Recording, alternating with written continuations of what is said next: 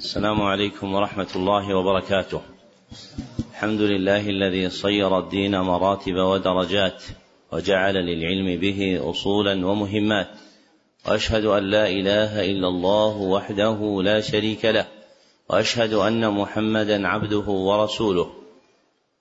اللهم صل على محمد وعلى آل محمد كما صليت على إبراهيم وعلى آل إبراهيم إنك حميد مجيد اللهم بارك على محمد وعلى آل محمد كما باركت على إبراهيم وعلى آل إبراهيم إنك حميد مجيد.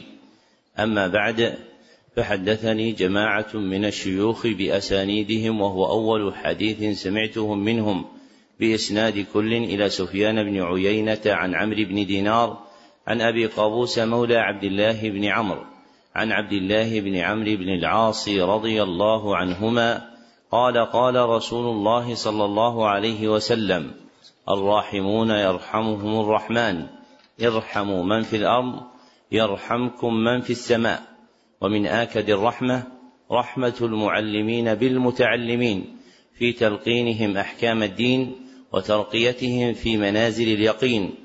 ومن طرائق رحمتهم إيقافهم على مهمات العلم بإقراء أصول المتون وتبيين مقاصدها الكلية ومعانيها الإجمالية. ليستفتح بذلك المبتدئون تلقيهم ويجد فيه المتوسطون ما يذكرهم ويطلع منه المنتهون إلى تحقيق مسائل العلم. وهذا شرح الكتاب الثاني من برنامج مهمات العلم في سنته الرابعة أربع وثلاثين بعد الأربعمائة والألف وهو كتاب ثلاثة الأصول وأدلتها لإمام الدعوة الإصلاحية في جزيرة العرب الشيخ محمد بن عبد الوهاب بن سليمان التميمي رحمه الله المتوفى سنة ست بعد المئتين والألف. نعم. الحمد لله رب العالمين والصلاة والسلام على أشرف الأنبياء والمرسلين نبينا محمد وعلى آله وصحبه أجمعين.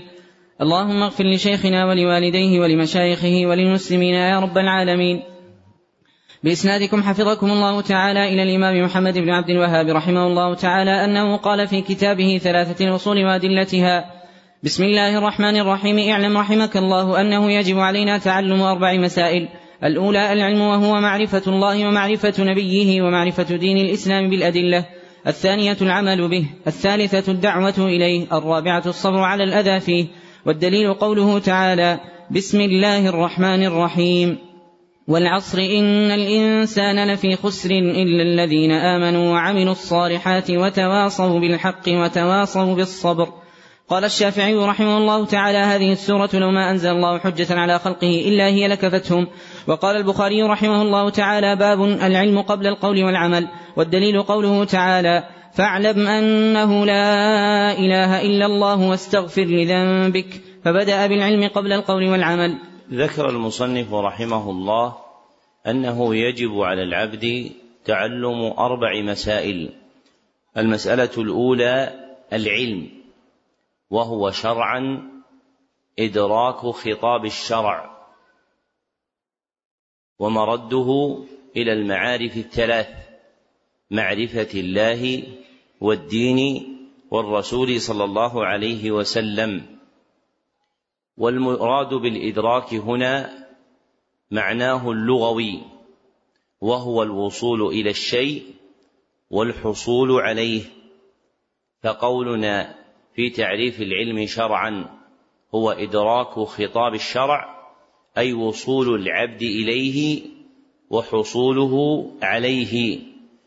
والجار والمجرور في قول المصنف بالأدلة متعلق بالمعارف الثلاث جميعا فمرده إلى معرفة الله ومعرفة نبيه ومعرفة دينه أن تكون مصحوبة بالأدلة فهو متعلق بالثلاث كلها ولا يعكر على هذا أن المصنف رحمه الله تعالى قال فيما يستقبل الأصل الثاني معرفة دين الإسلام بالأدلة فإنه لم يرد بتلك الترجمة تخصيص معرفة الإسلام بطلب الأدلة فيها بل معرفة الأدلة ينبغي أن تكون مقارنة لمعرفة الله ومعرفة دينه ومعرفة نبيه صلى الله عليه وسلم إلا أن المصنف أعاد ذكر فرد من أفراد العام تنبيها على الاهتمام به لأن أكثر المسائل الدينية ترجع إلى معرفة الدين فلما كانت معرفة دين الإسلام أكثرها فروعا وأشدها توزعا في المسائل أعاد المصنف رحمه الله تعالى التنبيه إلى أن تكون تلك المعرفة مقرونة بالأدلة فلا يكون بين ما ذكره في صدر كتابه هذا وبين ما أعاده. عند ذكر الأصل الثاني اختلال ولا اضطراب بل هو تخصيص لفرد من أفراد العام بما يحتاج إلى الإنباه إليه. وليس المقصود بذكر المصنف لمعرفة الأدلة إيجاب اقتران معرفة كل مسألة بدليلها بل مقصوده وجوب اعتقاد العبد أن ما آمن به من رب ودين ورسول دلت عليه أدلة شرعية صحيحة وهذه المعرفة الإجمالية كافية في تصحيح دين العبد. فإذا اعتقد العبد أن ما آمن به من رب ودين ورسول ثابت بأدلة شرعية صحيحة كان إسلامه وإيمانه صحيحا. ولا يحتاج إلى معرفة تفاصيل الأدلة فضلا عن إدراك وجوه الاستنباط منها فإن المعرفة التفصيلية لا تتعلق بعموم الخلق وإنما تتعلق بآحاد منهم اقترن بهم ما يستدعي معرفة الأحكام بالأدلة كالقضاء أو التعليم أو الحكم. فالمعرفة المتعلقة بالدين كله نوعان. أحدهما المعرفة الإجمالية. المعرفة الإجمالية وهي معرفة أصول الشرع الكلية. وهي معرفة أصول الشرع الكلية ويتعلق وجوبها بجميع الخلق ويتعلق وجوبها بجميع الخلق. والآخر المعرفة التفصيلية. وهي معرفة تفاصيل الشرع. وهي معرفة تفاصيل الشرع. ويتعلق وجوبها بآحاد من الخلق. ويتعلق وجوبها بآحاد من الخلق. لمعنى استدعاها. كالحكم أو القضاء أو الإفتاء. والمسألة الثانية العمل به أي العمل بالعلم. والعمل شرعا هو ظهور صورة خطاب الشرع على العبد. هو ظهور صورة خطاب الشرع على العبد. وخطاب الشرع نوعان. أحدهما خطاب الشرع الخبري. خطاب الشرع الخبري وظهور صورته بامتثال التصديق إثباتا ونفيا. وظهور صورته بامتثال التصديق إثباتا ونفيا. والآخر خطاب الشرع الطلبي. وظهور صورته بامتثال الأمر والنهي واعتقاد حل الحلال وظهور صورته بامتثال الأمر والنهي واعتقاد حل الحلال. فقوله تعالى إن الساعة آتية لا ريب فيها وقوله وقوله وما ربك بظلام للعبيد كلاهما من خطاب الشرع الخبري. فيكون ظهور صورتهما بامتثال التصديق في الأول إثباتا أن الساعة آتية لا ريب فيها ويكون في الثاني بامتثال التصديق فيه نفيا أن الله لا يظلم أحدا من الخلق. وقوله أقيموا الصلاة وقوله وقوله ولا تقربوا الزنا وقوله وهو الذي سخر البحر لتأكلوا منه لحما طريا كلها من خطاب الشرع الطلبي. فيكون ظهور صورته في الأول بامتثال الأمر بفعله بإقامة الصلاة وظهور صورته في الثاني بامتثال النهي في تركه باجتناب الزنا. ويكون صورته في الثالث باعتقاد حل الحلال أن الله أباح للخلق أن يمت أن يتمتعوا بلحم البحر الطري الذي جعله الله عز وجل لهم. واضح المسألة هذه؟ طيب. التوكل عمل أو ليس بعمل؟ عمل. محله القلب فهو من الأعمال القلبية. طيب طبق عليه التعريف العمل شرعا. ظهور صورة خطاب الشرع على العبد. أين يكون هذا الظهور؟ يكون على القلب يكون على القلب. فليس من المقصود بالظهور إدراكه بالرؤية لكن وجود معناه فالأعمال القلبية إذا وجدت معانيها صار ظهورا لصورتها. فالتوكل مثلا هو تفويض العبد أمره إلى الله سبحانه وتعالى وإظهار ضعفه وعجزه. فإذا وجد هذا المعنى في القلب فقد ظهرت صورة هذا العمل عليه. والأعمال التي تشترك في المحل الواحد لا تفترق في صورتها إلا بما يقترن بها من حقائقها. فالأعمال القلبية مثلا إذا أردت أن تفرق فيها بين المحبة والتوكل والخوف والرجاء لم يمكن ذلك بما يتوهمه المرء من أنه كفصل الشيء عن الشيء الظاهر وإنما باعتبار ما يوجد في القلب من معانيها وحقائقها. والمسألة الثالثة الدعوة إليه أي إلى العلم والمراد بها الدعوة إلى الله.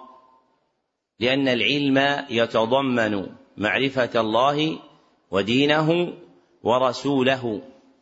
فالداعي إلى العلم يدعو إلى معرفة الله أصالة ومعرفة نبيه ودينه تبعا. والدعوة إلى الله شرعا هي طلب الخلق كافة إلى اتباع سبيل الله. طلب الخلق كافة إلى اتباع سبيل الله على بصيرة. والمسألة الرابعة الصبر على الأذى فيه. والصبر شرعا هو حبس النفس على حكم الله. هو حبس النفس على حكم الله. وحكم الله نوعان. أحدهما حكم شرعي. والآخر حكم قدري. والمذكور من الصبر في كلام المصنف هو الصبر على الأذى فيه أي في العلم. والأذى من القدر المؤلم. فيكون الصبر على الأذى في العلم من الصبر على حكم الله إيش؟ القدري. فيكون الصبر على الأذى في العلم من الصبر على حكم الله القدري ولما كان العلم مأمورا به شرعا فإن الصبر عليه يكون أيضا صبرا على أمر الله الشرعي. فيجتمع في الصبر على العلم الصبر على حكم الله الشرعي باعتبار كونه مأمورا به والصبر على حكم الله القدري باعتبار ما يعرض للعبد من العوائق والعلائق فإنه لا ينزعها ويمحوها إلا بالصبر على حكم الله الذي قدره عليه. والدليل على وجوب تعلم هذه المسائل الأربع هو سورة العصر لأن الله أقسم بالعصر أن جميع جنس الإنسان في خسر إلا من اتصف بصفات أربع سيأتي ذكرها. والعصر هو الوقت الكائن آخر النهار. هو الوقت الكائن آخر النهار. فإن اسم العصر إذا ورد في خطاب الشرع وكلام الصحابة كان المراد به هذا الوقت. أما المعاني الأخرى التي يذكرها أهل العربية فإنها وإن صحت من جهة المواضعة اللسانية العربية إلا أنها لم تكن مستعملة في العرف الخاص في خطاب الشرع. ومن المسالك النافعة في تبين الخطاب الشرعي ملاحظة لغة الشرع كما عبر عنها أبو العباس بن تيمية والشاطبي. فللشرع لغة تجعل بعض المعاني المشتركة مخصوصة بواحد منها فالعصر يطلق على الدهر وعلى الوقت الكائن آخر النهار لكن الواقع في خطاب الشرع إذا وردت كلمة العصر إرادة هذا الوقت وهو آخر النهار. فتحمل هذه الآية على المعروف في خطاب الشرع أن الله أقسم بالوقت الكائن في آخر النهار. وأقسم الله عز وجل به على أن جميع جنس الإنسان في خسر إلا من اتصف بصفات أربع. فقال الله عز وجل في الصفة الأولى إلا الذين آمنوا. وهذا دليل العلم. كيف يكون دليل العلم؟ لأن أصل الإيمان وكماله لا يدرك إلا بعلم. لأن أصل الإيمان وكماله لا يدرك إلا بعلم. ثم قال في الصفة الثانية وعملوا الصالحات. وهذا دليل إيش؟ العمل. وهذا دليل العمل. ووصف الأعمال بالصالحات يدل أن المطلوب من العبد عمل مخصوص لا مطلق العمل فالمطلوب منه من العمل هو العمل الصالح المبني على الإخلاص لله والاتباع لرسوله صلى الله عليه وسلم. ثم قال في الصفة الثالثة وتواصوا بالحق. وهذا دليل الدعوة. فالحق اسم لما لزم ووجب. فالحق اسم لما لزم ووجب. وأعلاه ما كان واجبا بطريق الشرع. وأعلاه ما كان واجبا بطريق الشرع. والتواصي به تفاعل بين اثنين فأكثر. والتواصي به تفاعل بين اثنين فأكثر. وهذه حقيقة الدعوة إلى الله. ثم قال في الصفة الرابعة وتواصوا بالصبر. وهذا دليل الصبر. فاجتمعت هذه المسائل الأربع كلها في سوره العصر. ولجلالتها قال الشافعي ما قال هذه السورة لو ما أنزل الله حجة على خلقه إلا هي لكفتهم أي لكفتهم في قيام الحجة عليهم بوجوب امتثال خطاب الشرع. أي لكفتهم في قيام الحجة عليهم بوجوب امتثال خطاب الشرع.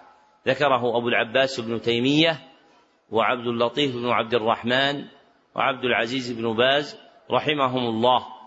فليس مراد الشافعي أن الآية كافية في بيان جميع أحكام الشرع فإن هذا لا يصدر عن عارف بالشرع كالشافعي وإنما أراد معنى خاصا وهو كون الصورة كافية في إقامة الحجة على الخلق بامتثال خطاب الشرع. ومما ينبغي الإنباه إليه في مثل هذه المقالات التي تخفى على بعض الناس عدم المبادرة إلى إنكارها فإن من الناس من يظن أن قول الشافعي لو أنزل الله لو ما أنزل الله هذه السورة إلا هذه السورة على خلقه لكفتهم أنه معنى مستنكر لافتقار الخلق إلى آيات كثيرة فيها بيان أحكام الشرع في أبواب الخبر والطلب. فإن مثل هذا المعنى لا يعزب عن علم الشافعي ولا يمكن أن يصدر منه وإنما أراد الإرشاد إلى معنى خاص. هو الذي أفصح عنه العارفون بمواقع كلام أهل العلم. كابي العباس بن تيمية وعبد اللطيف بن عبد الرحمن بن حسن وعبد العزيز بن باز. وأكثر ما يكون هذا مع وهج الشباب. فإن وهج الشباب يحمل الاغترار به صاحبه على أن يبادر إلى إنكار المقالات لقلة علمه وضيق عطنه عن إدراك المعاني البعيدة والمقاصد العظيمة التي يشير إليها أئمة الهدى بكلام قليل فكن على حذر من المبادرة إلى تزييف أقوال الأكابر من العلماء من السلف لتوهمك أنها تحمل على معنى لم يريدوه وإذا وقع في خلدك شيء من ذلك فألق ما في خلدك جانبا واستعصم بالتوقف من الجراءة على تزييف كلامهم فإن المتجرئ على ذلك متجرئ على كلام أئمة في العلم والإيمان ومثل هذا لا يمكن أن يصدر ممن عرف العلم وحقيقته وكمل في الإيمان وكمل في القلب إيمانه. ينبغي أن يحترز الإنسان من مثل هذه المقالات ويسترشد بمن له باع طويل في فهم العلم ليحل له ما يشكل عليه من كلام العلماء رحمهم الله تعالى.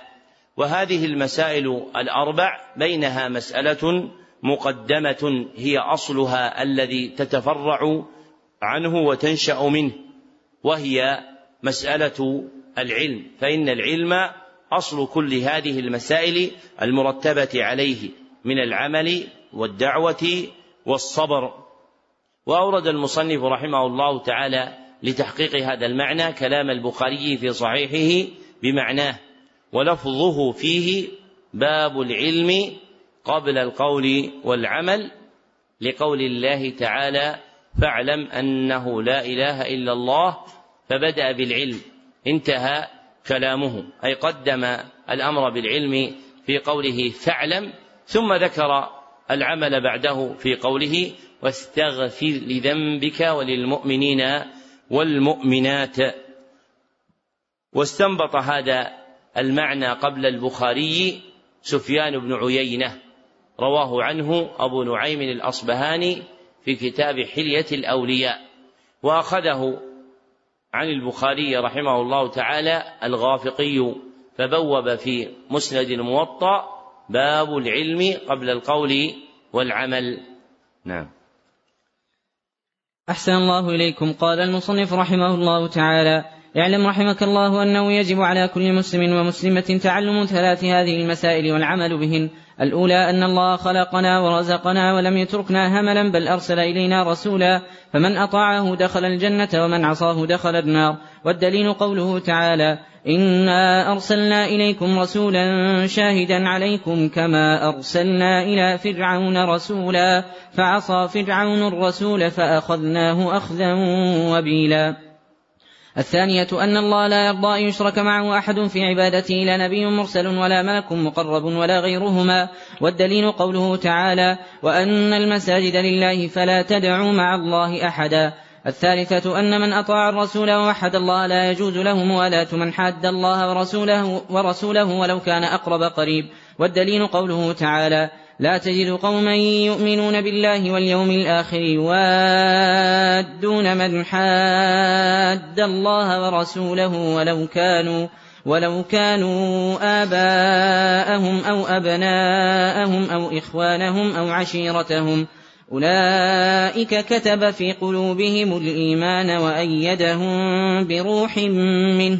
ويدخلهم جنات تجري من تحتها الأنهار خالدين فيها رضي الله عنهم ورضوا عنه. أولئك حزب الله. ألا إن حزب الله هم المفلحون. ذكر المصنف رحمه الله تعالى هنا ثلاث مسائل عظيمة يجب على العبد تعلمها والعمل بها من مسلم ومسلمة. فالمسألة الأولى مقصودها بيان وجوب وجوب طاعة الرسول صلى الله عليه وسلم. فالمسألة الأولى مقصودها بيان وجوب طاعة الرسول صلى الله عليه وسلم. وذلك أن الله خلقنا ورزقنا ولم يتركنا هملا أي مهملين لا نؤمر ولا ننهى بل أرسل إلينا رسولا هو محمد صلى الله عليه وسلم ليأمرنا بعبادة الله. فمن أطاعه دخل الجنة ومن عصاه وجحد عبادة الله دخل النار.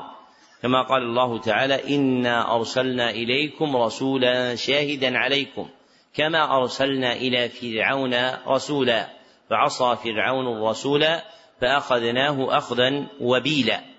وإتباع خبر إرسال الرسول صلى الله عليه وسلم إلينا بذكر عاقبة فرعون لما كذب موسى عليه الصلاة والسلام تهديد ووعيد لنا.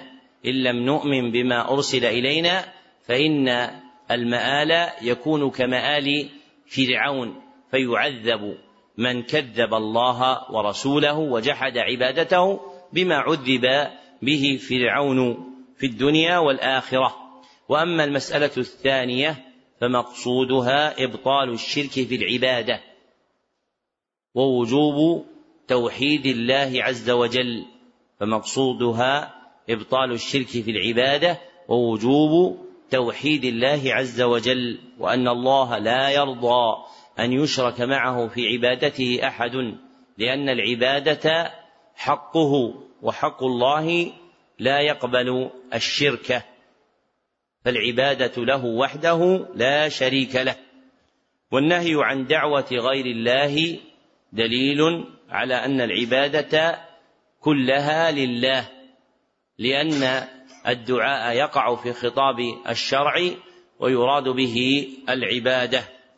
فمعنى الآية المذكورة فلا تعبدوا مع الله أحدا.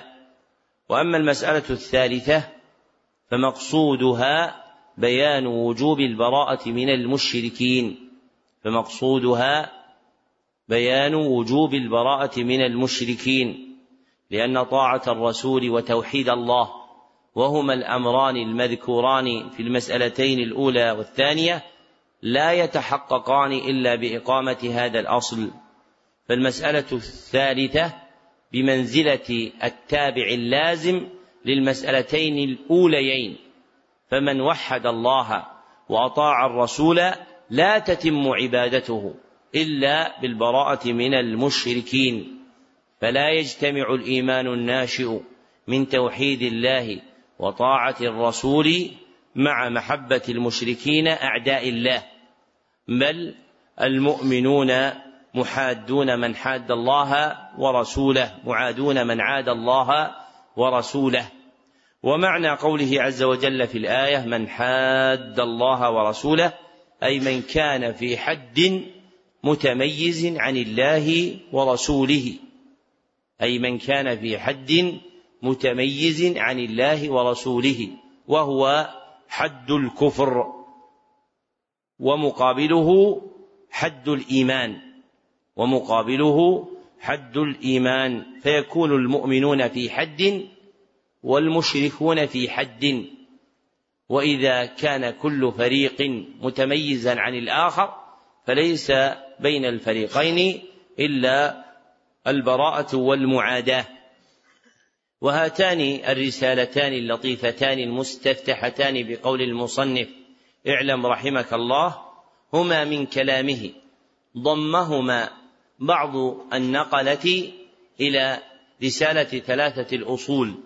ثم اشتهر المجموع كله باسم ثلاثة الأصول وإلا فمبتدأ كتاب ثلاثة الأصول هو من قوله رحمه الله اعلم أرشدك الله لطاعته وما قبله فهو من كلام المصنف في رسالتين مفردتين ضمتا قديما إلى ثلاثة الأصول ثم شهر الكتاب كله باسم ثلاثة الأصول.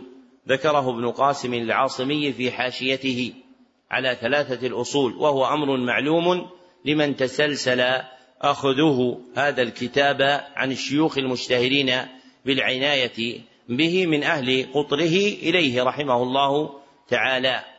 نعم. أحسن الله إليكم. قال المصنف رحمه الله تعالى اعلم أرشدك الله لطاعته أن الحنيفية ملة إبراهيم عليه السلام أن تعبد الله وحده مخلصا له الدين وبذلك أمر الله جميع الناس وخلقهم لها كما قال تعالى وما خلقت الجن والإنس إلا ليعبدون ومعنى يعبدون يوحدون. الحنيفية في الشرع لها معنيان. الحنيفية في الشرع لها معنيان. أحدهما عام وهو الإسلام. والآخر خاص. وهو الإقبال على الله بالتوحيد. وهو الإقبال على الله بالتوحيد. ولازمه الميل عن كل ما سواه. ولازمه الميل عن كل ما سواه. وهي دين الأنبياء جميعا. فلا تختص بإبراهيم عليه الصلاة والسلام. وأضيفت إليه في كلام المصنف تبعا لوقوعها كذلك في القرآن الكريم. فإن الحنيفية نسبت في مواضع عدة من القرآن الكريم إلى إبراهيم عليه الصلاة والسلام وموجب نسبتها إلى إبراهيم دون غيره أمران. أحدهما أن الذين بعث إليهم نبينا صلى الله عليه وسلم يعرفون إبراهيم عليه الصلاة والسلام أن الذين بعث إليهم رسولنا صلى الله عليه وسلم يعرفون إبراهيم عليه الصلاة والسلام وينتسبون إليه ويزعمون أنهم من ذريته وعلى إرثه فجدير بهم إن كانوا كذلك أن يتبعوه حنفاء لله غير مشركين به والآخر أن الله جعل إبراهيم عليه الصلاة والسلام إماما لمن بعده. أن الله جعل إبراهيم عليه الصلاة والسلام إماما لمن بعده بخلاف سابقيه من الأنبياء بخلاف سابقيه من الأنبياء فلم يجعل الله أحدا منهم إماما لمن بعده. فلم يجعل الله أحدا منهم إماما لمن بعده ذكره ابن جرير في تفسيره. والناس جميعا مأمورون بها ومخلوقون لأجلها كما قال تعالى وما خلقت الجن والإنس إلا ليعبدون فما خلق الجن والإنس إلا لعبادة ربنا عز وجل. فالآية دالة صراحة على أن خلق الجن والإنس هو للعبادة وهي دالة بوجه الإشارة على أنهم مأمورون بها فإذا كانت الغاية من خلقهم هو إيقاع العبادة كان مقطوعا به أنهم مأمورون بها. وتفسير المصنف رحمه الله تعالى يعبدون بقوله يوحدون له وجهان أحدهما أنه من تفسير اللفظ بأخص أفراده تعظيما له أنه من تفسير اللفظ بأخص أفراده تعظيما له. والتوحيد آكد أنواع العبادة وأعظمها. والآخر أنه من تفسير اللفظ بما وضع له. أنه من تفسير اللفظ بما وضع له فالعبادة تطلق في الشرع ويراد بها التوحيد. فالعبادة تطلق في الشرع ويراد بها التوحيد. كقوله تعالى يا أيها الناس اعبدوا ربكم أي وحدوه قال ابن عباس رحمه الله كل عبادة قال كل ما ورد في القرآن من العبادة فهو التوحيد. كل ما ورد في القرآن من العبادة فهو فهو التوحيد. ذكره البغوي في تفسيره ولم أجده موصولا عنه مع كثرة البحث.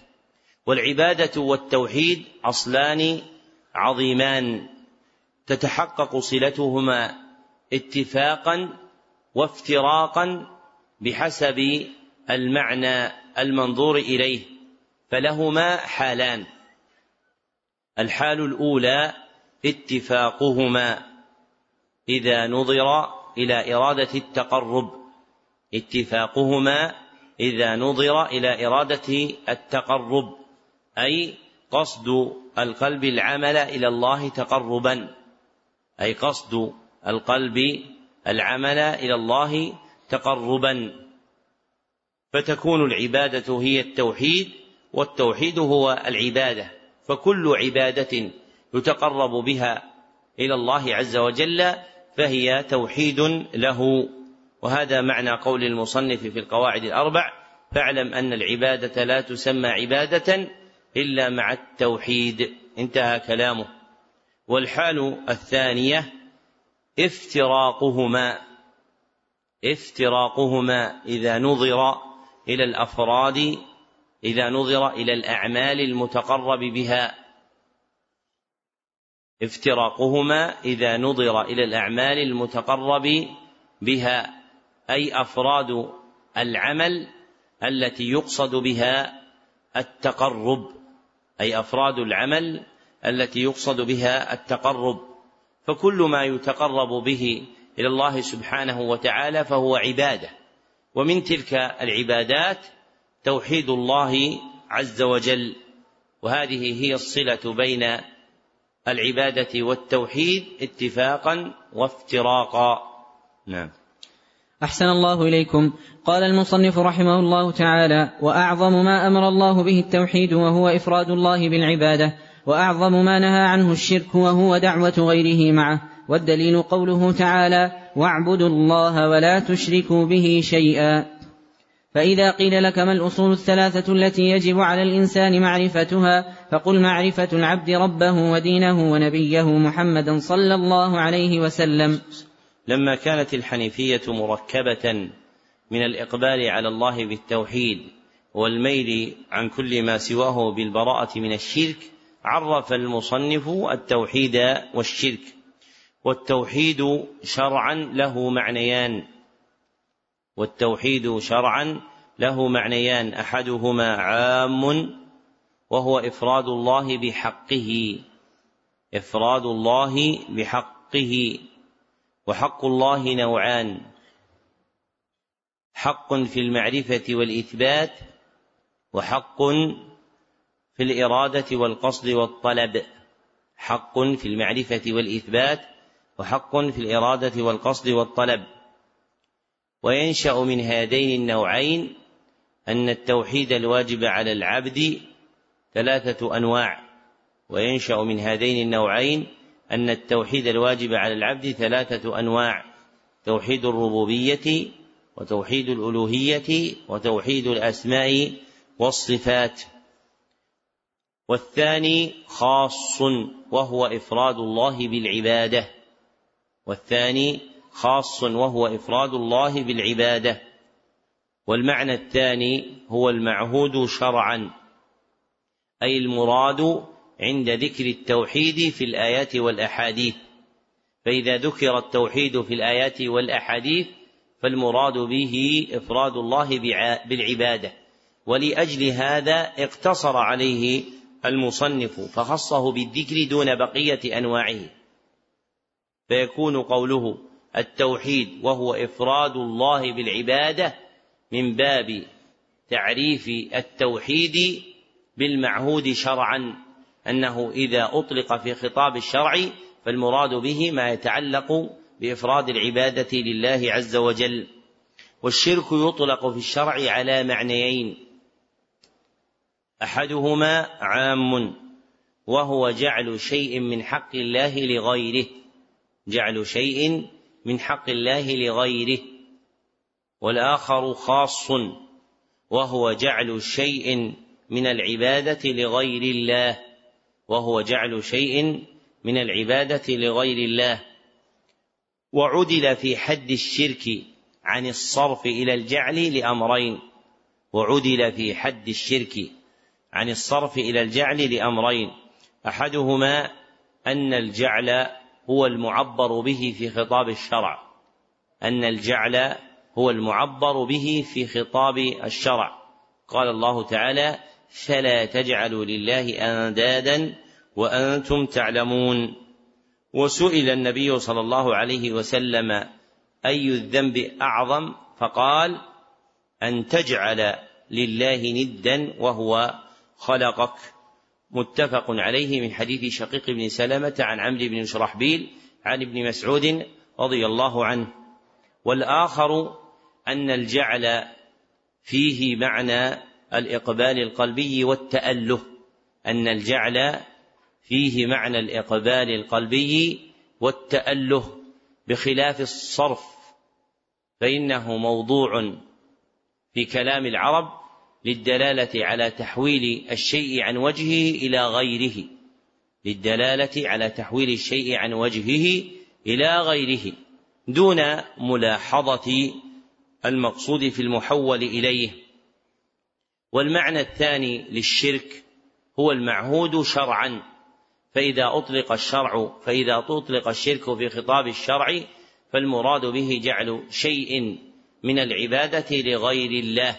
ولأجل هذا اقتصر عليه المصنف رحمه الله تعالى في قوله وأعظم ما نهى عنه الشرك وهو دعوة غيره معه بحسب ما هو معهود في خطاب الشرع. وتقدم أن الدعاء يذكر في خطاب الشرع ويراد به العبادة. فقوله وهو دعوة غيره معه بمنزلة قولنا وهو عبادة غيره معه. فهذان اللفظان التوحيد والشرك يقعان على معنيين يتسعان تارة ويضيقان أخرى فيتسعان باعتبار المعنى العام ويضيقان باعتبار المعنى الخاص. والحامل على رعاية المعنى الخاص هو ملاحظة المعهود في خطاب الشرع. فالمعهود في خطاب الشرع إذا ذكر التوحيد أنه إفراد الله بالعبادة وإذا ذكر الشرك أنه جعل شيء من العبادة لغير الله عز وجل. فلا يكون كلام المصنف مستدركا عليه من جهة أن الشرك أن التوحيد والشرك يقعان على معنيين واسعين لأنه أراد تقديم المعهود في الخطاب الشرعي على غيره وهذا من أعظم مدارك العلم. فإن معرفة المراد الشرعي مقدمة على معرفة غير ذلك. وإذا حقق العبد المعاني التي أنيطت بها الأحكام الشرعية سهل عليه تصور الدين ومعرفة أحكامه. وأما إذا لم يتبين ما جعل في الشرع لمعنى دون آخر من الألفاظ التي عبر بها عن تلك المقاصد والغايات فإنه تختلط عليه مسائل الدين. وأعظم ما أمر الله به التوحيد وأعظم ما نهى الله سبحانه وتعالى عنه هو الشرك. والدليل كما قال المصنف قوله تعالى واعبدوا الله ولا تشركوا به شيئا وهذه الآية باعتبار المتبادر منها لا تدل على الأعظمية وإنما تدل على الأمر بالتوحيد والنهي عن الشرك. فالأمر بالتوحيد في قوله واعبدوا الله لأن العبادة إذا أطلقت فالمراد بها إيش؟ التوحيد. وفيها النهي عن الشرك لقوله ولا تشركوا بالله شيئا. فأين وجه الأعظمية الذي استنبطه المصنف من هذه الآية؟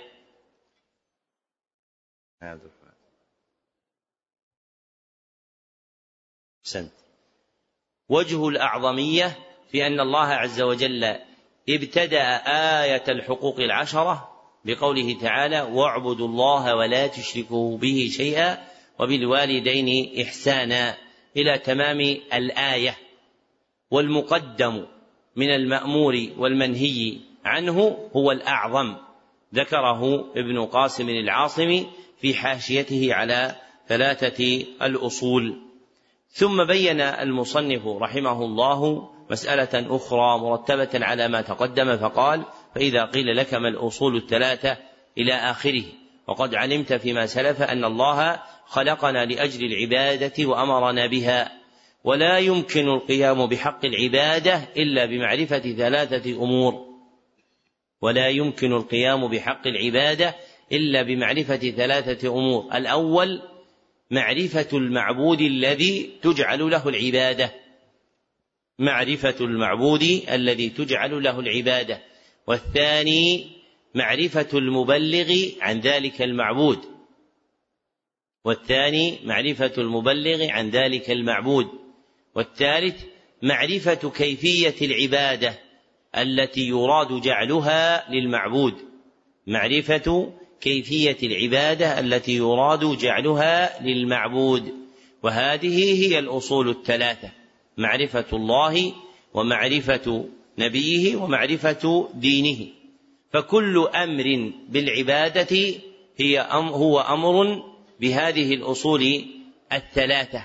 فإن المراد بمعرفة المعبود معرفة الله عز وجل والمراد بمعرفة المبلغ معرفة الرسول صلى الله عليه وسلم والمراد بمعرفة كيفية العبادة هي معرفة الإسلام. فإذا سئلت عن دليل الأصول الثلاثة المذكورة في هذه الرسالة فجوابه كل أمر بالعبادة. فمثلا قوله تعالى يا أيها الناس اعبدوا ربكم هو دليل على هذه الأصول الثلاثة.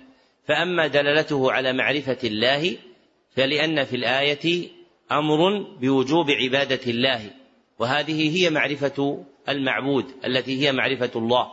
وأما دلالته على معرفة الرسول فلأن العبادة التي تراد منا لا تستقل العقول بمعرفتها لتعذر الإحاطة بربنا عز وجل فهي مفتقرة إلى مبلغ يدل عليه ويرشد إليه. وهو الرسول المبعوث إلى كل أمة ومنهم رسولنا صلى الله عليه وسلم.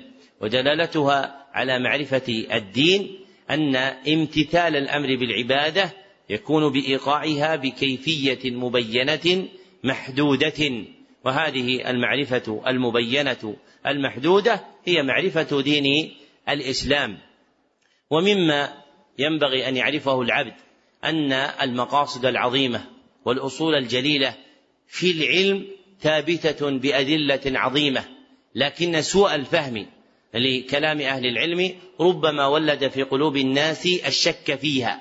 كتوهم بعض الناس أن هذه الأصول الثلاثة إنما هي وضع اصطلاحي اختاره المصنف فسماه الأصول الثلاثة. ثم تتابع الناس عليه طبقة دون طبقة بلا تمييز منه.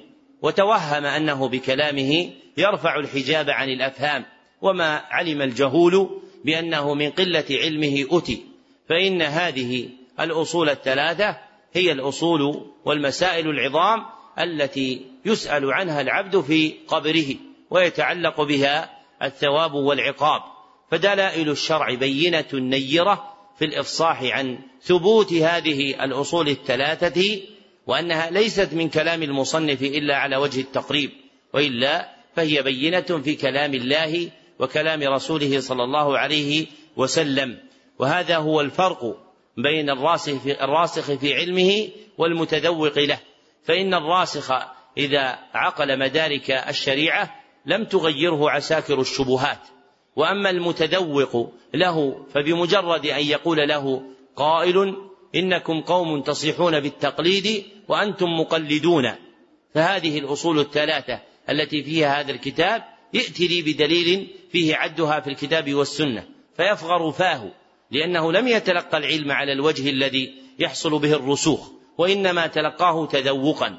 فيعزب عن علمه أن كل أمر في القرآن الكريم أو في السنة النبوية بالعبادة هو أمر بهذه الأصول الثلاثة التي على الوجه الذي ذكرناه آنفا. نعم. أحسن الله إليكم. قال المصنف رحمه الله تعالى فإذا قيل لك من ربك فقل ربي الله الذي رباني وربى جميع العالمين بنعمته وهو معبودي ليس لي معبود سواه.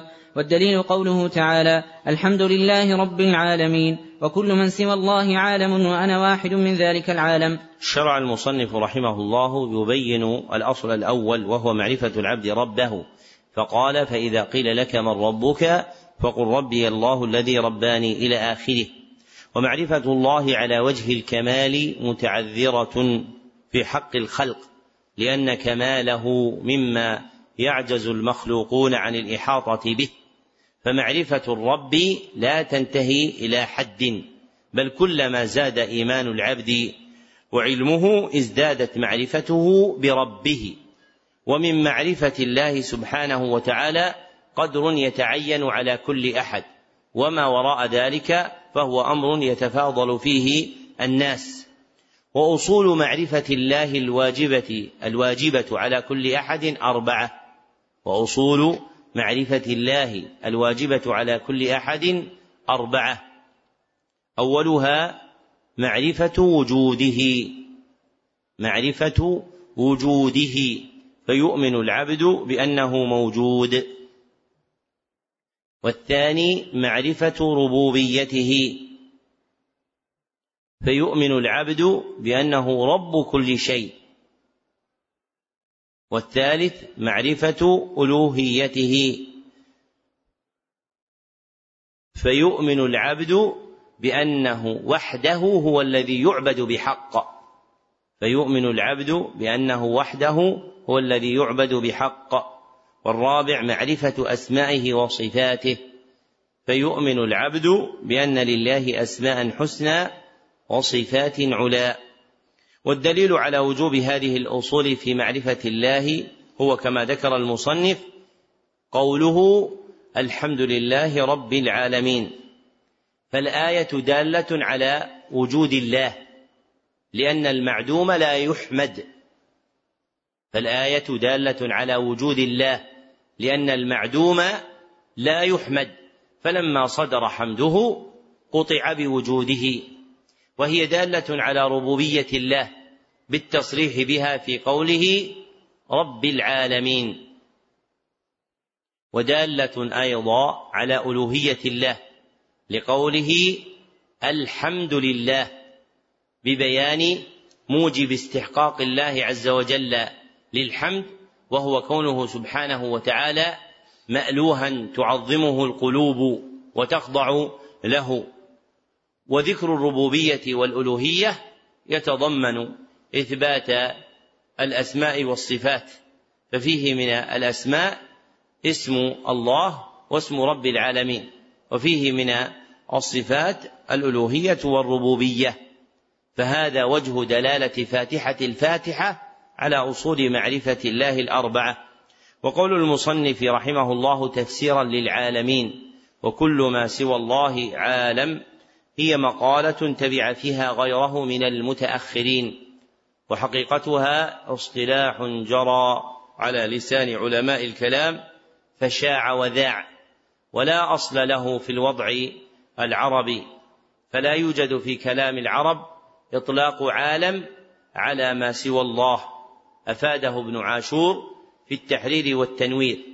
ومنشأه أن علماء الكلام ذكروا مقدمتين مشهورتين رتبوا عليهما نتيجة فقالوا في المقدمة الأولى الله قديم وقالوا في المقدمة الثانية العالم حادث فأنتجت المقدمتان كل ما سوى الله عالم. ثم شهرت هذه الجملة حتى توهم أنها المعنى المراد في كلام العرب للعالم وليس الأمر كذلك بل هي نتيجة عقلية منطقية لا مدخل للسان العربي فيها. فاسم العالم في كلام العرب موضوع للدلالة على الأفراد المتجانسة. فاسم العالم في كلام العرب موضوع للأفراد المتجانسة فيقال عالم الإنس وعالم الجن وعالم الملائكة لما بينها من اتحاد الجنس ومجموعها يسمى العالمين ومجموعها يسمى العالمون ومجموعها يسمى العالمون. وليست كل أفراد المخلوقات ذات جنس مضطرد. بل فيها أفراد لا جنس لها مثل آية عبد الرحمن. أحسنت. منها عرش ربنا سبحانه وتعالى فإنه لا نظير له في جنسه وكذلك كرسيه وكذا الجنة والنار المجعولتان دارا للنعيم أو دارا للعقاب. فالموجودات سوى الله نوعان. فالموجودات سوى الله نوعان. أحدهما الأفراد التي لا نظير لها من جنسها. الأفراد التي لا نظير لها من جنسها فلا يشاركها غيرها في حقيقتها. فلا يشاركها غيرها في حقيقتها وإن وافقها اسما. كالعرش والكرسي الإلهيين. كالعرش والكرسي الإلهيين. والجنة والنار. والآخر الأفراد المتجانسة. الأفراد المتجانسة كعالم الجن وعالم الإنس وعلى عالم الملائكة. فلا يصح تفسير قوله تعالى رب العالمين بأن رب كل ما سوى الله بأن العالمين كل ما سوى الله عز وجل. لأن هذا مصطلح حادث والخطاب الشرعي لا يفسر بالمصطلح الحادث ولا يستدل على عموم ربوبية الله عز وجل لكل شيء بهذه الآية وإنما يستدل بمثل قوله تعالى وهو رب كل شيء فإنه يشمل الأفراد المتجانسة وغير المتجانسة. نعم. أحسن الله إليكم. قال المصنف رحمه الله تعالى فإذا قيل لك بما عرفت ربك فقل بآياته ومخلوقاته ومن آياته الليل والنهار والشمس والقمر ومن مخلوقاته السماوات السبع ومن فيهن والأرضون السبع ومن فيهن وما بينهما. والدليل قوله تعالى لخلق السماوات والأرض أكبر من خلق الناس. وقوله تعالى ومن آياته الليل والنهار والشمس والقمر. لا تسجدوا للشمس ولا للقمر واسجدوا لله الذي خلقهن إن كنتم إياه تعبدون. وقوله تعالى إن ربكم الله الذي خلق السماوات والأرض في ستة أيام ثم استوى على العرش. يغشي الليل النهار يطلبه حثيثا والشمس والقمر والنجوم مسخرات بأمره. ألا له الخلق والأمر؟ تبارك الله رب العالمين. لما ذكر المصنف رحمه الله أن الله هو الرب وبين دليله كشف عن الدليل المرشد إلى معرفة الرب عز وجل. والدليل المرشد إلى معرفة الرب عز وجل شيئان. أحدهما التفكر في آياته الكونية. التفكر في آياته الكونية. والآخر التدبر في آياته الشرعية. وهما مذكوران في قول المصنف بآياته لأن الآيات شرعا لها معنيان. أحدهما الآيات الكونية وهي المخلوقات. أحدهما الآيات الكونية وهي المخلوقات والآخر الآيات الشرعية. وهي ما أنزله الله من الكتب لتحقيق عبادته فيكون قول المصنف ومخلوقاته من عطف الخاص على العام لأن المخلوقات بعض الآيات فهي تختص بالآيات الكونية فالآيات الكونية تسمى مخلوقات.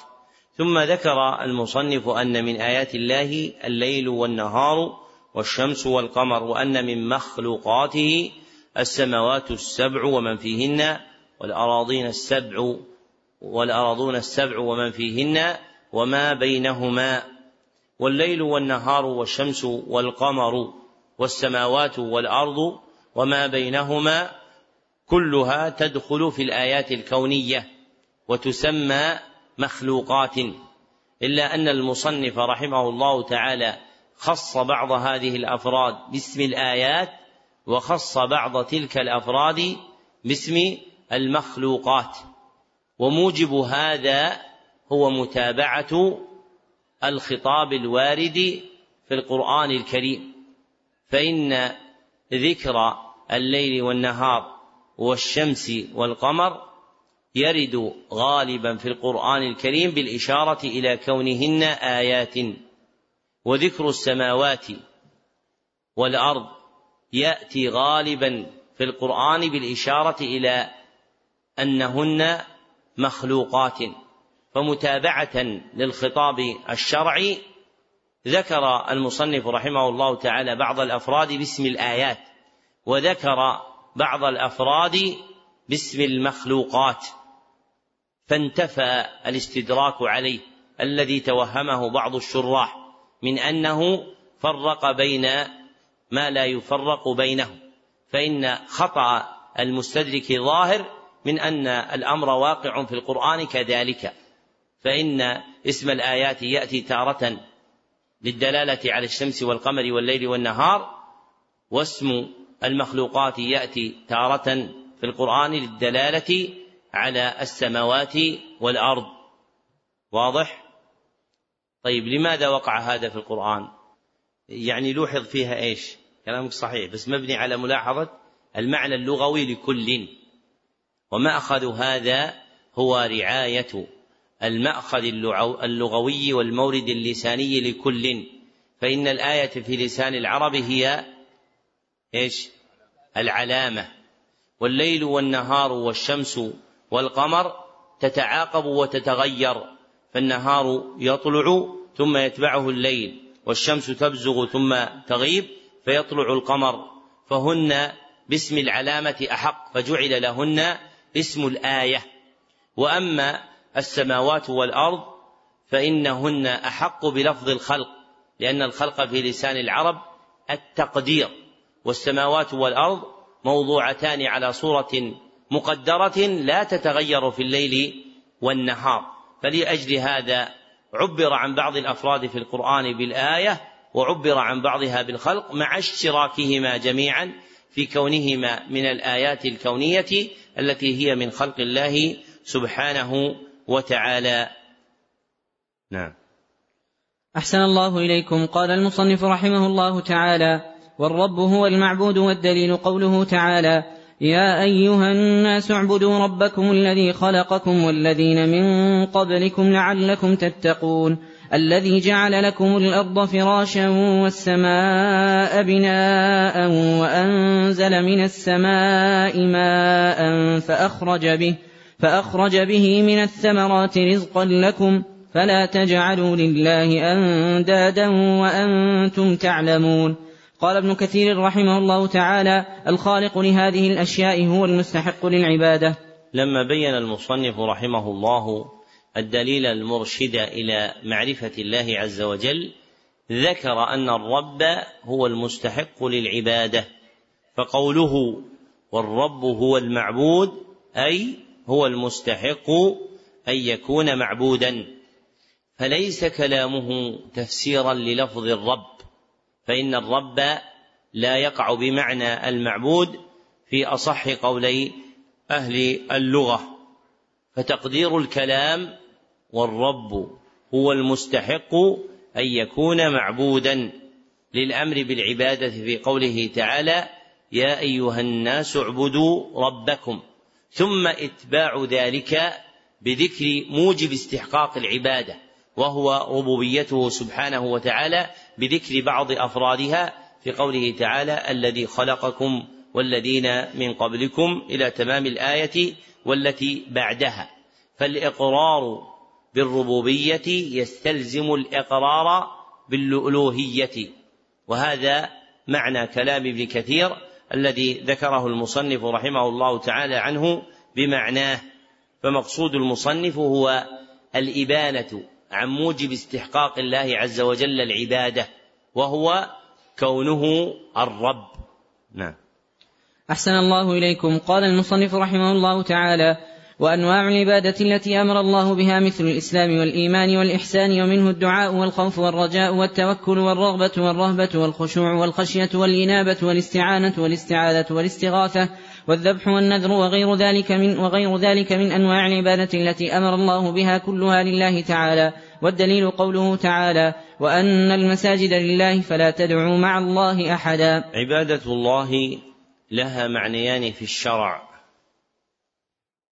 أحدهما عام وهو امتثال خطاب الشرع المقترن بالحب والخضوع. امتثال خطاب الشرع المقترن بالحب والخضوع. والثاني خاص وهو التوحيد والثاني خاص وهو التوحيد. وعبر بالخضوع في بيان المعنى العام للعبادة دون الذل لأمرين. وعبر بالخضوع في بيان المعنى العام للعبادة دون الذل لأمرين. أحدهما اقتفاء الخطاب الشرعي.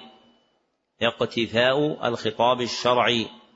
لأن الخضوع مما يعبد به الله بخلاف الذل لأن الخضوع مما يعبد به الله بخلاف الذل فيقال للخلق اخضعوا لله ولا يقال ذلوا لله فالخضوع يكون كونيا قدريا ودينيا شرعيا فالخضوع يكون كونيا قدريا. ودينيا شرعيا بخلاف الذل فإنه يكون كونيا قدريا فقط فلا يتقرب إلى الله عز وجل به. أما الخضوع فإنه يتقرب إلى الله عز وجل به ويكون عبادة. وفي صحيح البخاري من حديث سفيان بن عيينة عن عمرو بن دينار عن عكرمة عن أبي هريرة رضي الله عنه أن النبي صلى الله عليه وسلم قال إذا قضى الله الأمر من السماء ضربت الملائكة بأجنحتها خضعانا لقوله وخضوع الملائكة عبادة من عباداتهم. وروى البيهقي بإسناد صحيح في قنوت عمر رضي الله عنه أنه كان يقول ونؤمن بك ونخضع لك. والآخر أن الذل ينطوي على الإجبار والقهر. أن الذل ينطوي على الإجبار والقهر. وفي ذلك محذوران. وفي ذلك محذوران. أولهما أن قلب الدليل فارغ من الإقبال بالتعظيم الذي هو حقيقة العبادة. أن قلب الذليل فارغ من الإقبال الذي هو حقيقة العبادة. وثانيهما أن الذل يتضمن نقصا لا يناسب مقام العبادة. أن الذل يتضمن نقصا لا يناسب كمال العبادة. المورث كمال الحال.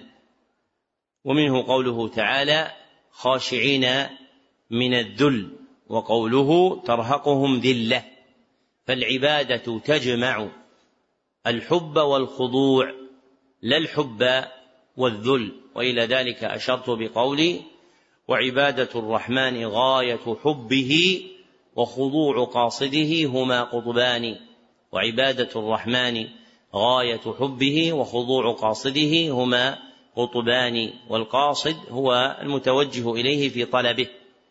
ويوجد في كلام جماعة من المحققين كأبي العباس بن تيمية وأبي عبد الله بن القيم وأبي الفداء بن كثير الإشارة إلى أن العبادة تجمع الحب والخضوع وأنواع العبادة كلها لله عز وجل كما قال تعالى وأن المساجد لله الآية فالنهي عن عبادة غير الله عز وجل دليل على أن العبادة له عز وجل فإنه نهى عن دعوة غيره فقال فلا تدعوا مع الله أحدا أي لا تعبدوا مع الله أحدا وتقدم أن الدعاء يرد في خطاب الشرع ويراد به العبادة ومنه ما ثبت عند أصحاب السنن. من حديث يسيع بن معدان عن النعمان بن بشير رضي الله عنهما أن النبي صلى الله عليه وسلم قال الدعاء هو العبادة. نعم.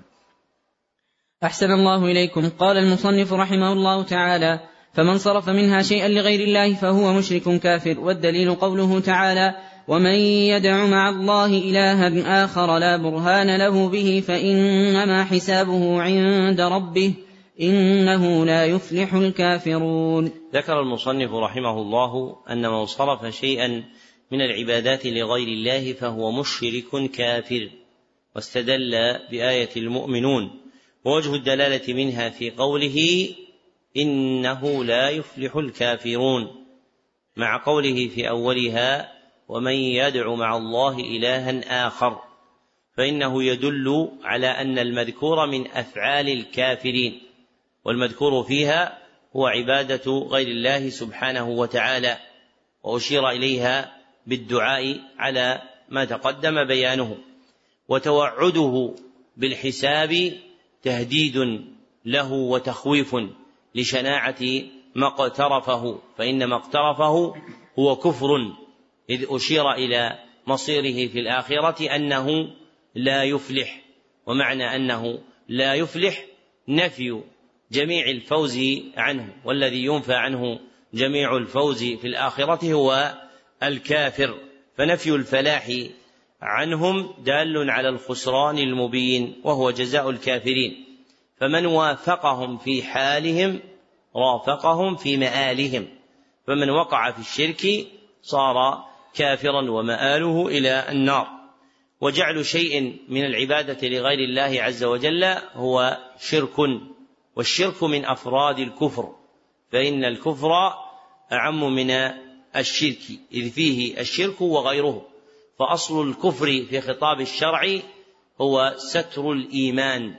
فأصل الكفر في خطاب الشرع هو ستر الإيمان إما سترا لأصله أو كماله. والشرك فرد من تلك الأفراد المندرجة في الكفر. ومعنى قوله لا برهان له به أي لا حجة له به ولا بينة على اتخاذه إلها من دون الله سبحانه وتعالى. وهذا قيد ملازم لكل من اتخذ معبودا سوى الله.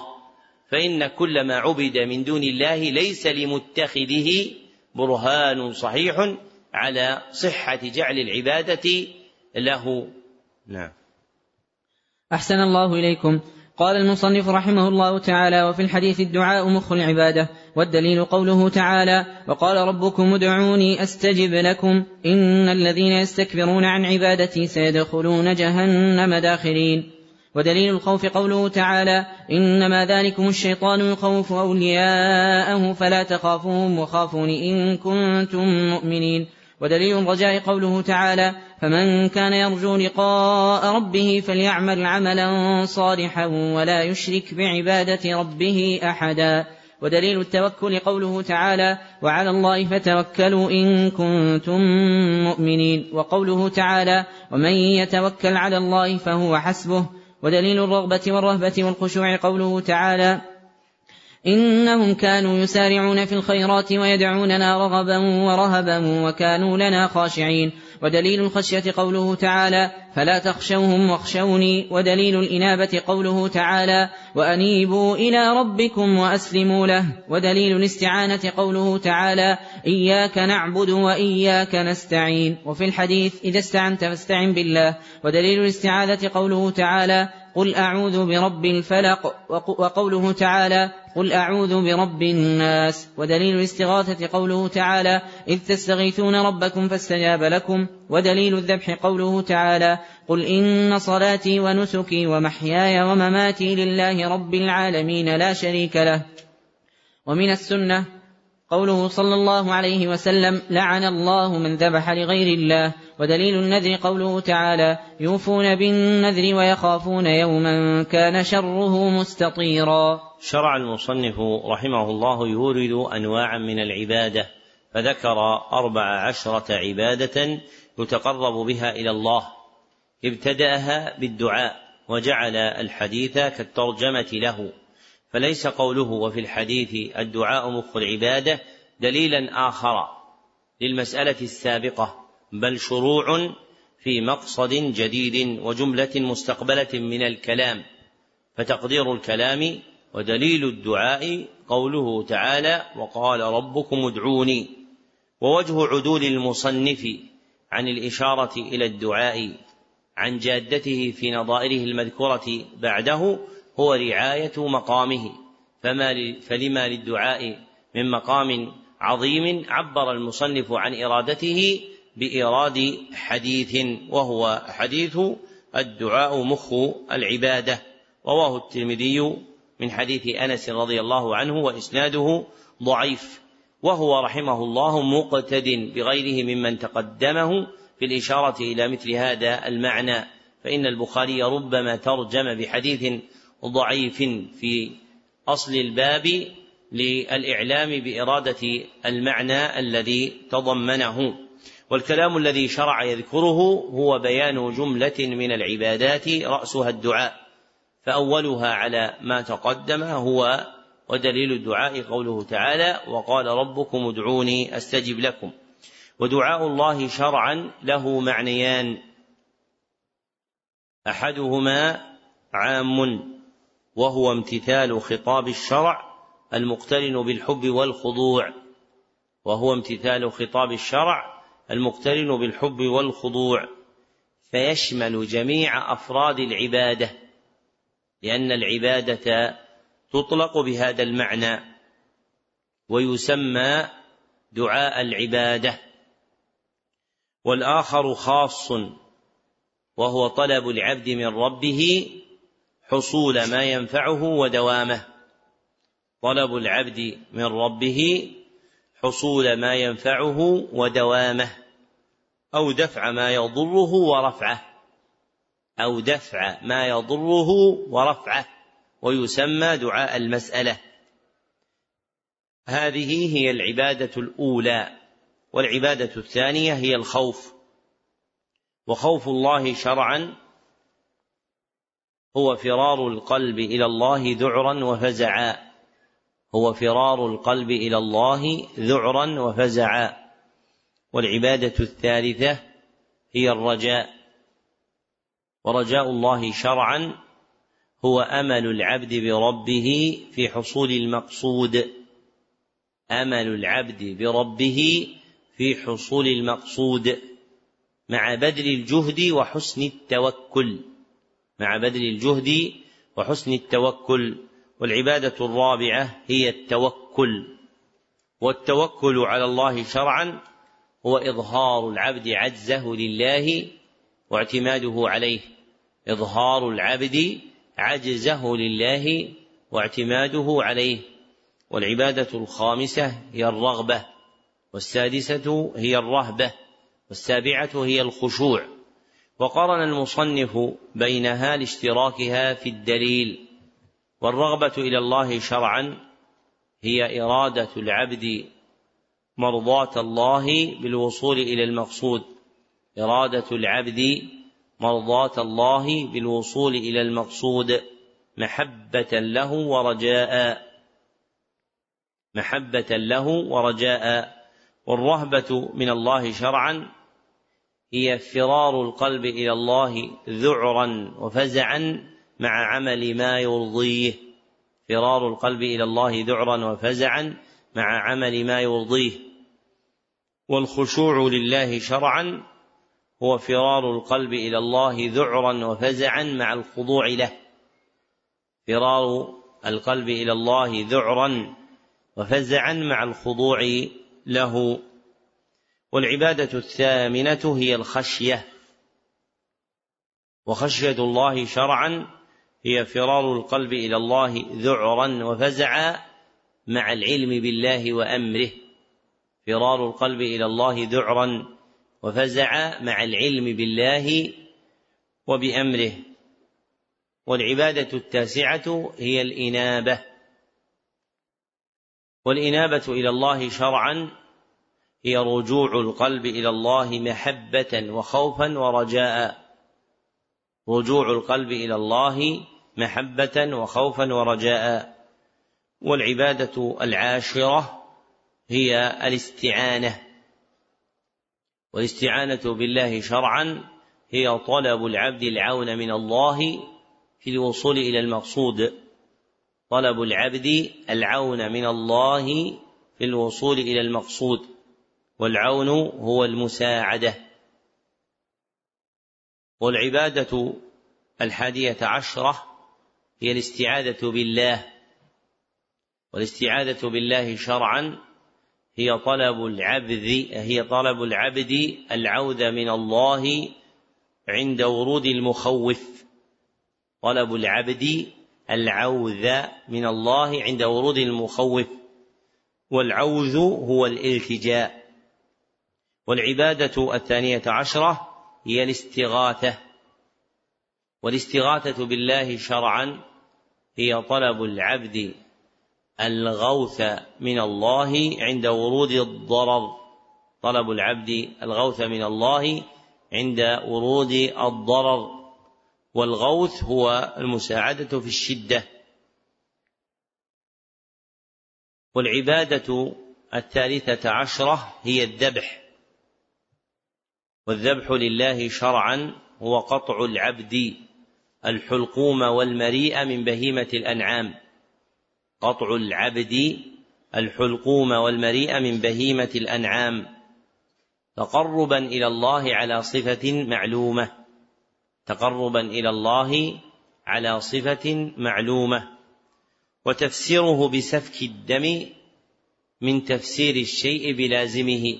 فإنه, فإنه إذا قطع الحلقوم والمريء خرج الدم مسفوكا من البهيمة. واللفظ يفسر بما وضع له في لسان العرب لا بلازمه. وبهيمة الأنعام هي الإبل والبقر والغنم وبها خصت الذبائح الشرعية كالهدي والأضحية والعقيقة وما عداها لا يتقرب إلى الله بذبحها وإنما يتقرب بريشها وجلدها ولحمها صدقة أو هدية. أما نفس عبادة الذبح فلا تكون إلا ببهيمة الأنعام. واضح؟ نفس عبادة الذبح. إنسان يريد أن يؤدي عبادة الذبح لله يذبح بهيمة أنعام. هذا يكون متقربا بهذه العبادة. فلو ذبح غيرها لم يكن متقربا بعبادة الذبح. وإنما يتقرب بما ينتج عنها من لحم أو ريش أو جلد إذا أهداه أو تصدق به. ولا يقع التعبد لله بالذبح إلا ببهيمة الأنعام. ومما يبينه أن من الأفراد المأمور بها الركوع. فإن الله قال يا أيها الذين آمنوا اركعوا. ولو قام أحد ليركع بدون صلاة لم تكن تلك الفعلة التي فعلها عبادة يتقرب بها إلى الله بل هو عمل باطل وليس قربة. فلو قام أحد فركع في المجلس ثم جلس لم يكن متقربا لله بالركوع فالركوع لا يكون قربة إلا في ضمن الصلاة كالسعي لا يكون قربة إلا بأن يتقدمه الطواف. وكذا الذبح لا يكون قربة إلا ببهيمة الأنعام. لكن لو ذبح الإنسان لغير الله ولو ذبابا فإنه يكون قد وقع في شرك الذبح لأن المقصود هنا إرادة التقرب وهو قد وقع في إرادة التقرب. ولو ذبح ذبابا لله لم يكن متعبدا لله بالذبح لأن الله لا يقبله وإنما يتقبل بهيمة الأنعام التي جاءت الأوامر الشرعية بكونها الذبائح المقدرة في الهدي والأضحية والعقيقة وغيرها. والعبادة الرابعة عشرة هي النذر. والنذر لله شرعا يقع على معنيين. والنذر لله شرعا يقع على معنيين. أحدهما عام. وهو إلزام العبد نفسه لله تعالى امتثال خطاب الشرع. إلزام العبد نفسه لله تعالى امتثال خطاب الشرع. أي الالتزام بدين الإسلام كله. أي الالتزام بدين الإسلام كله. والآخر خاص. وهو إلزام العبد نفسه لله تعالى إلزام العبد نفسه لله تعالى نفلا معينا غير معلق. نفلا معينا غير معلق. فقولنا نفلا خرج به الواجب لأنه لازم للعبد أصالة. وقولنا معينا خرج به المبهم فإنما يجب فيه كفارة ولا يحصل به قربة. وقولنا غير معلق خرج به ما كان واقعا على وجه المعاوضة والمقابلة كقول المرء إن شفى الله مريضي صمت له ثلاثة أيام فالنذر لا يكون قربة إلا إذا خلا من المقابلة بالمعاوضة والجزاء فإذا خلا من ذلك وكان نفلا معينا صار قربة يتقرب بها إلى الله عز وجل.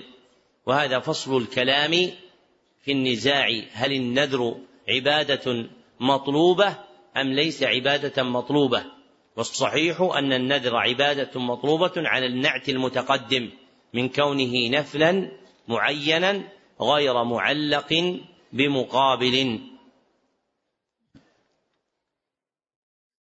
ومما ينبغي أن يعتني به العبد فيما سلف من العبادات الاجتهاد في تبين حقائقها الشرعية. لأنه إذا عزب عن علمه معرفة حقيقة التوكل أو حقيقة الإنابة أو حقيقة الخوف لم يكن ممكنا له أن يؤدي تلك العبادة بخلاف من وعى حقيقة كل فإنه بعلمه بحقائقها يستعين بها على القيام بها.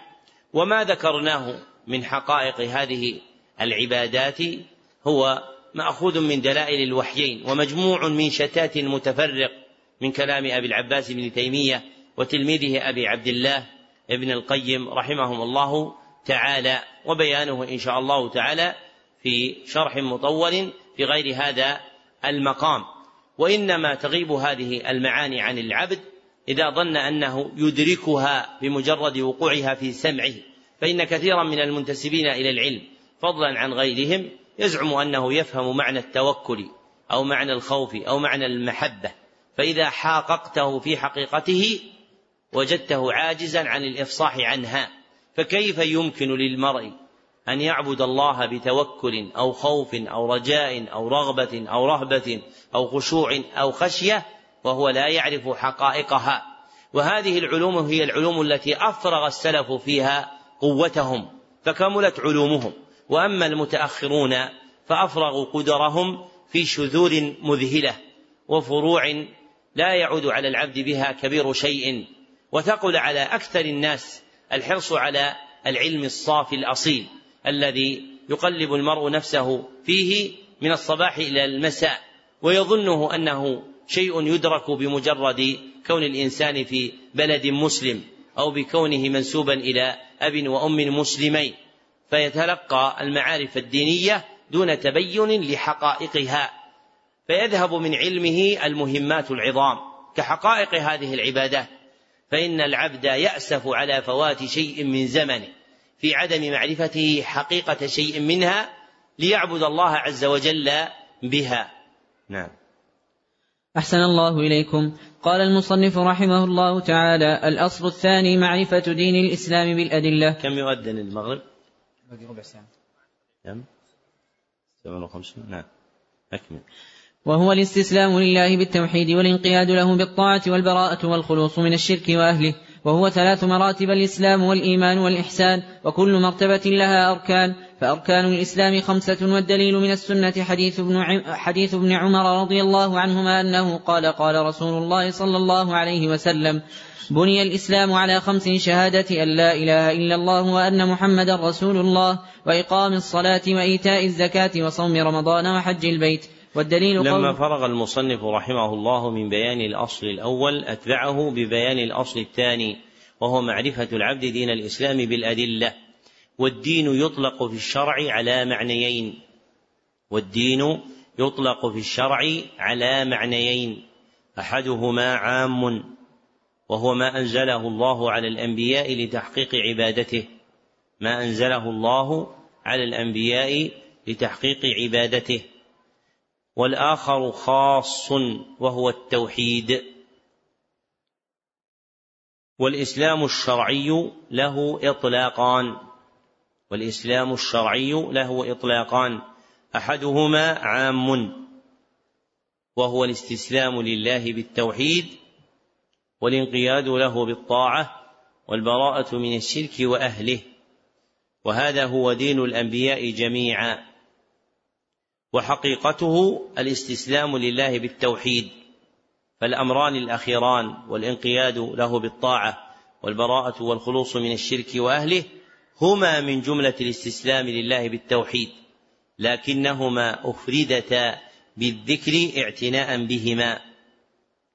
والآخر خاص وله معنيان أيضا.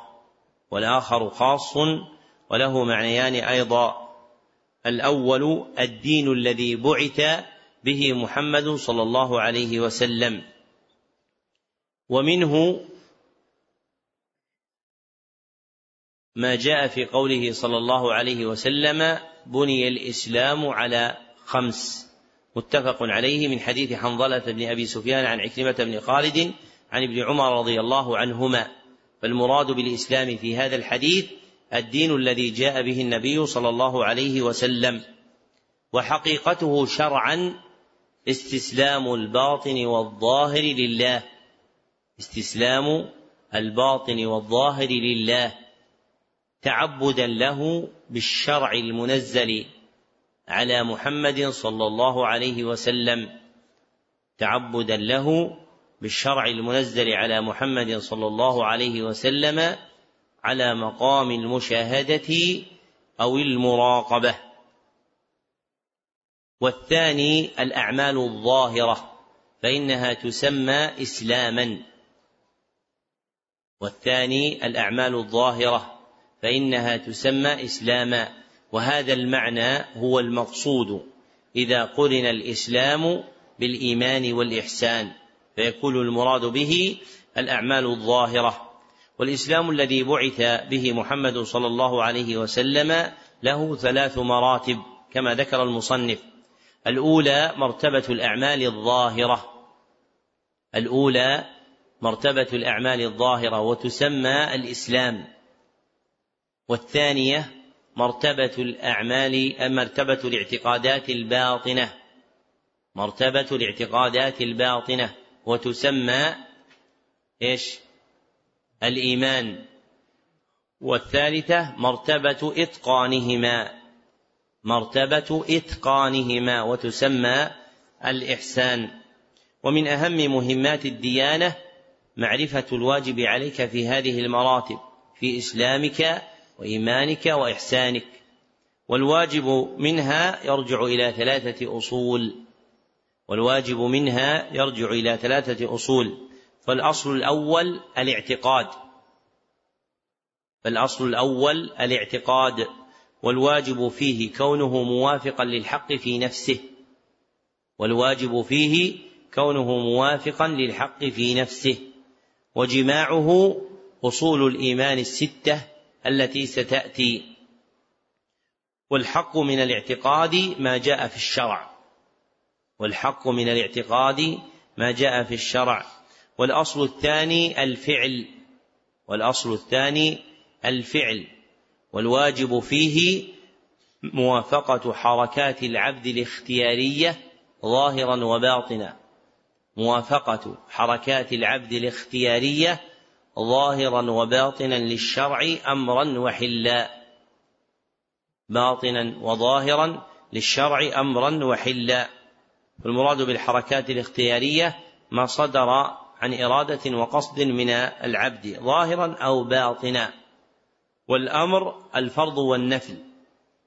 والحل المأذون فيه من الحلال. فينبغي أن تكون أفعال العبد دائرة بين المأمور به أو المأذون فيه من الحلال. وفعل العبد نوعان. أحدهما فعله مع ربه. أحدهما فعله مع ربه. وجماعه شرائع الإسلام اللازمة له. وجماعه شرائع الإسلام اللازمة له. كالصلاة والزكاة والصيام. كالصلاة والزكاة والصيام والحج وتوابعها وشروطها ومبطلاتها. والآخر فعله مع الخلق فعله مع الخلق وجماعه أحكام المعاملة والمعاشرة معهم كافة. أحكام المعاملة والمعاشرة معهم كافة. والأصل الثالث الترك والأصل الثالث الترك. والواجب فيه موافقة الكف والامتناع عن الفعل لمرضاة الله. موافقة الكف والامتناع عن الفعل لمرضاة الله. وجماعه علم المحرمات الخمس التي اتفقت عليها الأنبياء وهي الفواحش والإثم والبغي والشرك والقول على الله بغير علم وما يرجع إلى هذه ويتصل بها وتفصيل ما يجب من هذه الأصول الثلاثة الاعتقاد والترك والفعل لا يمكن ضبطه لاختلاف الناس في أسباب العلم الواجب. ذكره أبو عبد الله بن القيم في مفتاح دار السعادة. وهذه المسألة مسألة جليلة وهي من أهم ما ينبغي التنويه به عند شرح ثلاثة الأصول لتعرف الواجب عليك في إسلامك وإيمانك وإحسانك مما ذكر ها هنا. وهي مع جلالتها لم يحققها كما ينبغي فيما علمت سوى أبي عبد الله بن القيم في مفتاح دار السعادة. وذكر في الإملاء الموصول على شرح ثلاثة الأصول تبيين مناسب لذلك المقام. نعم. ثم ذكر رحمه الله أن كل مرتبة لها أركان. فأركان الإسلام خمسة هي المذكورة في حديث ابن عمر المتفق عليه وأركان الإيمان ستة وهي أن تؤمن بالله وملائكته وكتبه ورسله واليوم الآخر وبالقدر خيره وشره وستأتي. وأركان الإحسان اثنان. أحدهما أن تعبد الله والآخر أن يكون إيقاع تلك العبادة على مقام المشاهدة أو المراقبة. أحدهما أن تعبد الله والآخر أن يكون إيقاع تلك العبادة على مقام المشاهدة أو المراقبة. نعم. أحسن الله إليكم. قال المصنف رحمه الله تعالى والدليل قوله تعالى إن الدين عند الله الإسلام. وقوله تعالى ومن يبتغ غير الإسلام دينا فلن يقبل منه وهو في الآخرة من الخاسرين. ودليل الشهادة قوله تعالى شهد الله أنه لا إله إلا هو والملائكة وأولو العلم قائما بالقسط. لا إله إلا هو العزيز الحكيم. ومعناها لا معبود بحق إلا الله. لا إله نافيا جميع ما يعبد من دون الله. إلا الله مثبتا عبادة لله وحده لا شريك له في عبادته كما أنه لا شريك له في ملكه. وتفسيرها الذي يوضحها قوله تعالى وإذ قال إبراهيم لأبيه وقومه إنني براء مما تعبدون إلا الذي فطرني الآية. وقوله تعالى قل يا أهل الكتاب تعالوا إلى كلمة سواء بيننا وبينكم ألا نعبد إلا الله ولا نشرك به شيئا ولا يتخذ بعضنا بعضا أربابا من دون الله فإن تولوا فقولوا اشهدوا بأننا مسلمون ودليل شهادة أن محمد رسول الله قوله تعالى لقد جاءكم رسول من أنفسكم عزيز عليه ما عنتم حريص عليكم بالمؤمنين رؤوف رحيم ومعنى شهادة أن محمد رسول الله طاعته فيما أمر وتصديقه فيما أخبر واجتنابه عنه نهى وزجر وأن لا يعبد الله إلا بما شرع. ودليل الصلاة والزكاة وتفسير التوحيد قوله تعالى وما, وما أمروا إلا ليعبدوا الله مخلصين له الدين حنفاء ويقيموا الصلاة ويؤتوا الزكاة. وذلك دين القيمة. ودليل الصيام قوله تعالى يا أيها الذين آمنوا كتب عليكم الصيام كما كتب على الذين من قبلكم لعلكم تتقون. ودليل الحج قوله تعالى ولله على الناس حج البيت من استطاع إليه سبيلا ومن كفر فإن الله غني عن العالمين. ونرجئ بيان هذه الجملة بعد صلاة المغرب. وهذا آخر البيان على ما تقدم من الكتاب والحمد لله رب العالمين. صلى الله وسلم على عبده ورسوله محمد وآله وصحبه أجمعين.